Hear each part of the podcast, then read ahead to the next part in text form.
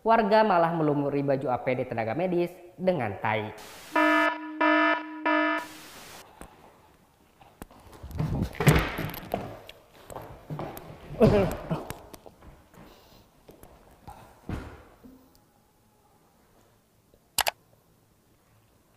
Selamat datang di Berita Buru-Buru, terdepan dalam mengobarkan. Bersama saya, Mr. Kece. Berita kali ini datang dari bukan Omnibus Law. Eits, nungguin ya? Ya enggak dong. DPR aja belum rilis versi finalnya. Masa kita mau marah-marah? Ya enggak mungkin dong. Yang benar, berita perdana dari Mahkamah Agung yang mengurangi vonis hukuman Anas Urbaningrum. Emang penonton kita tahu Anas? Anis doang tuanya mah. Anas Urbaningrum yang merupakan mantan ketua umum Partai Demokrat, partai yang sangat melekat citranya dengan keluarga SBY, mendapat potongan masa tahanan dari Mahkamah Agung atas tindak pidana korupsi. Kayak gini lu beritain. Terbiasa. Adapun pemotongan masa hukuman dari 14 tahun penjara menjadi 8 tahun plus denda 300 juta. Pemotongan masa hukuman 6 tahun ini membuktikan bahwa diskon MA lebih menarik ketimbang diskon-diskon e-commerce yang sering ada tanda bintangnya. Adapun Mahkamah Agung telah menyampaikan alasan mengapa Anas mendapat potongan masa hukuman tersebut. Terdapat 9 alasan rinci yang dapat Anda baca di kolom deskripsi. Enggan rasanya alasan tersebut kami masukkan ke skrip karena banyak. Capek. Tapi yang paling gokil adalah alasan adanya kesalahan penggunaan pasal. Jadi, ada semacam kekilafan hakim pada putusan sebelumnya. Mungkin tren salah pakai pasal ini sedang dimonitor para koruptor yang kasusnya masih ditangani KPK. Siapa tahu, mereka bisa bernasib mujur seperti para terpidana sebelumnya. Memang tidak semua publik memahami penalaran hukum dari setiap putusan majelis hakim.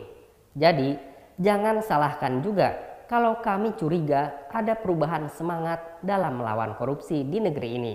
Ini bukan soal KPK atau soal MA, tapi soal seluruh lembaga peradilan di Indonesia. Tunjukkan kalau kalian semua masih pro anti korupsi, bukan korupsi. Wih, serius banget skripnya. KSJW. Yang belum tahu siapa Anas, dia adalah terpidana dalam kasus proyek pembangunan sekolah pusat pendidikan pelatihan dan sekolah olahraga nasional atau P3SON. Disebutkan namanya saja sulit, apalagi membangunnya. Ya mendingan dikorupsi. Kali. Selamat Pak Anas. Perjuangan permohonan peninjauan kembali Anda tidak sia-sia. Seperti kata pepatah, usaha tidak pernah mengkhianati hasil. Jadi, bagi Anda yang berteriak keras atas pemberantasan korupsi, coba teriak lebih keras lagi. Jangan cuma di sosmed doang. Karena bisa jadi bukan penegak hukum yang mengkhianati penegakan korupsi, melainkan usaha Anda. Adapun tren pemotongan hukuman masa tahanan terpidana korupsi ini pernah kami bahas di edisi Mr. Kece Marah-Marah. Linknya ada di sini.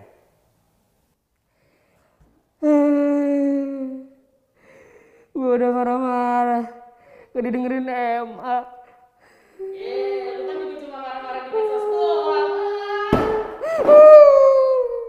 Kita beralih ke berita kedua. Perusahaan listrik negara tengah membuat program listrik gratis sepanjang Oktober 2020. Ini merupakan stimulus dalam rangkaian COVID-19. Gini dong, biar banyak utang juga. Ada dua pilihan bagi warga yang tertarik pada program ini. Pertama, token listrik gratis Kedua, diskon tagihan. Meski Mr. Kece sering ngegas ke PLN, kami mendukung penuh program bantuan rakyat ini karena kami tidak benci buta. Asik. Bagi yang ingin mendapatkan program ini, silahkan mengakses website resmi perusahaan yang pertama dan satu-satunya mengurus listrik di Indonesia. Bagi siapa pun orang PLN yang melihat video ini, sponsorin BBB dong. Ayolah, tolonglah. Meskipun itu tidak menghentikan Mr. Kece marah-marah kepada kalian. Iya, benar. Kita beralih ke berita ketiga. Kampanye pilkada masih langgar protokol kesehatan. Alias menerapkan pro Badan Pengawas Pemilu atau Bawaslu mencatat pada periode awal kampanye pilkada pada 28 hingga 30 September 2020 terjadi pelanggaran protokol kesehatan di 34 daerah. Pelanggaran masih berupa kerumunan lebih dari 50 orang yang auto tidak menjaga jarak dan tidak bermasker. Mau berkuasa tapi tidak bisa mengontrol massa.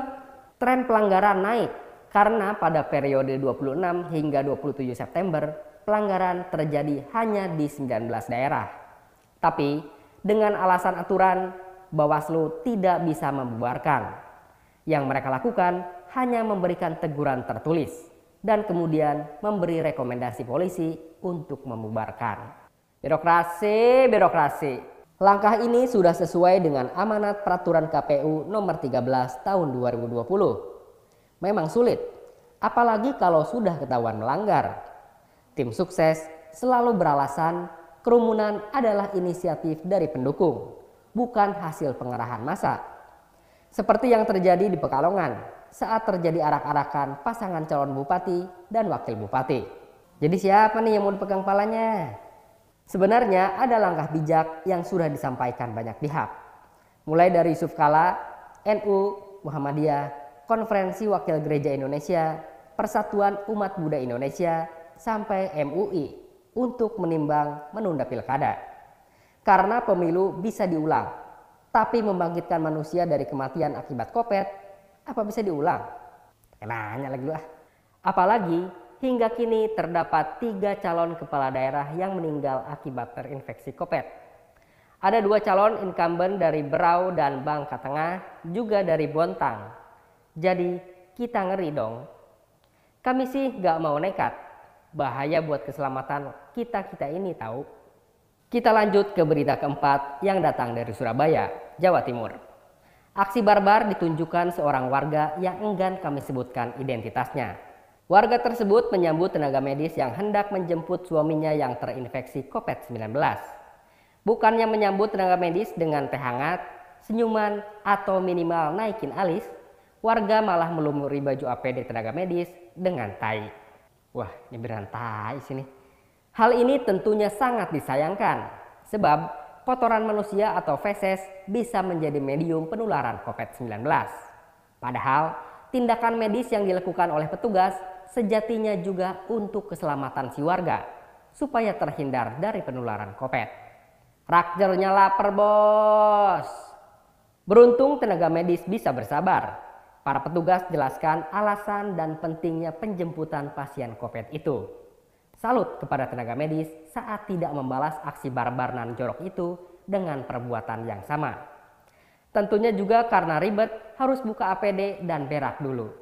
Berdasarkan keterangan Pemkot Surabaya, aksi lumur tokai tapi bukan korek api ini disebabkan minimnya pengetahuan warga akan bahaya kopet. Sungguh pernyataan yang mengejutkan, sebab psikopat sudah ada lebih dari setengah tahun. Ya kan rakcel capek di edukasi bos, butuh mangan. Apakah minimnya pengetahuan warga ini disebabkan oleh bapuknya komunikasi dari pemerintah? Atau memang warganya utap? Kalian bisa baca lebih lanjut soal isu ini di dalam tulisan terbaru hashtag Mister Menulis. Linknya ada di deskripsi. Kita lanjutkan ke berita terakhir yang datang dari Bapak Reformasi, yang terdepak dari partai buatannya sendiri, Amin Rais. Pak Amin akhirnya resmi dirikan partai baru bernama Partai Umat. Sayang seribu sayang, namanya bukan Partai Amanat Nasional Reformasi yang sempat ia gaungkan beberapa minggu lalu. Mungkin dikarenakan jika Partai Amanat Nasional Reformasi disingkat akan menjadi pamali. Hal ini tentu akan jadi celah bagi Mumtaz Rais, anak Amin Rais Walaupun merupakan anak Amin Rais, Mumtaz tidak setuju terhadap pembentukan partai baru tersebut. Ia pernah berjanji akan berenang bolak-balik Jakarta ke Labuan Bajo kalau PAN reformasi terbentuk. Beli paru-paru di mana tuh? Warung Padang. Mungkin ini adalah bentuk kasih sayang Pak Amin Rais supaya anaknya Mumtaz Rais tak harus berenang antar pulau antar provinsi seperti ikan yang lagi migrasi. Sungguh kasih sayang ayah sepanjang masa. Anak selamat, hasrat politik, jalan terus. Tapi kalau yang dimaksud Mumtaz dalam janjinya itu adalah partai baru, apa pun itu namanya, maka Mumtaz harus siap-siap latihan berenang antar pulau. Apalagi kalau Pak Yas sampai meresmikan partai baru ini. Maka Mumtaz harus berenang kembali dari Labuan Bajo ke Jakarta. Sesuai janjinya dulu. Ayo Pak Yas. Ayo Mumtaz. Kembali ke Partai Umat. Menurut Amin Rais, partai baru buatannya itu numero uno. Maksud kami, partai baru buatannya itu akan bekerja dan berjuang bersama anak bangsa melawan kezaliman dan menegakkan keadilan. Oleh karena itu, semboyan partai baru ini adalah lawan kezaliman, tegakkan keadilan. Tagline yang tentunya diharapkan bisa menggalang dukungan dari publik. Berita buru-buru tagline-nya banyak. Isinya tidak ada. Demikian berita buru-buru hari ini. Berita buru-buru membahas kejadian terkini dengan buru-buru. Sampai jumpa di edisi selanjutnya. Masih bersama saya, Mr. Kece. Jok. Beli kursi apa, Jok?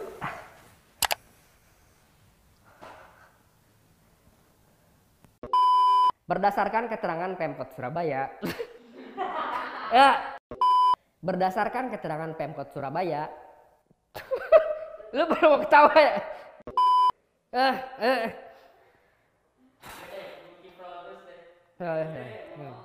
Nggak mau. Berdasarkan keterangan Pemkot Surabaya, aksi luwur tokai tapi bukan korek. ah, anjir.